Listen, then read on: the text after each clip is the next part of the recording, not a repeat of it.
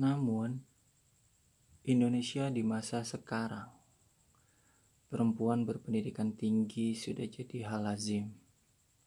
Banyak sekali ditemukan, layaknya seorang laki-laki yang sudah lebih dulu merasakan hal tersebut.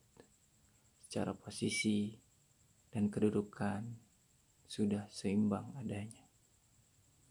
Budaya kolot zaman dulu sudah tidak relevan, terlebih sekarang kita sudah memasuki revolusi digital. Katanya, industri 4.0. Keren kan? Ya mungkin budaya kolot zaman itu bakal terus ada. Kalau tidak ada yang memutus.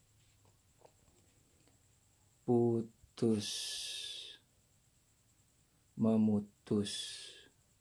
Ya, generasi pemutus itu memang harus ada sedikit aneh memang istilah generasi pemutus. Dan aku yakin generasi itu ada.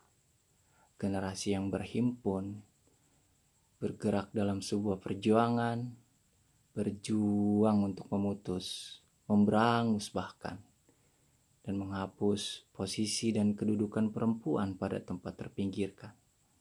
The second man, lebih bahaya lagi, perempuan pada posisi yang marginal dan mengakar paham marginalisasi perempuan. Tendensinya sangat mendiskreditkan kaum perempuan kali itu. Miris.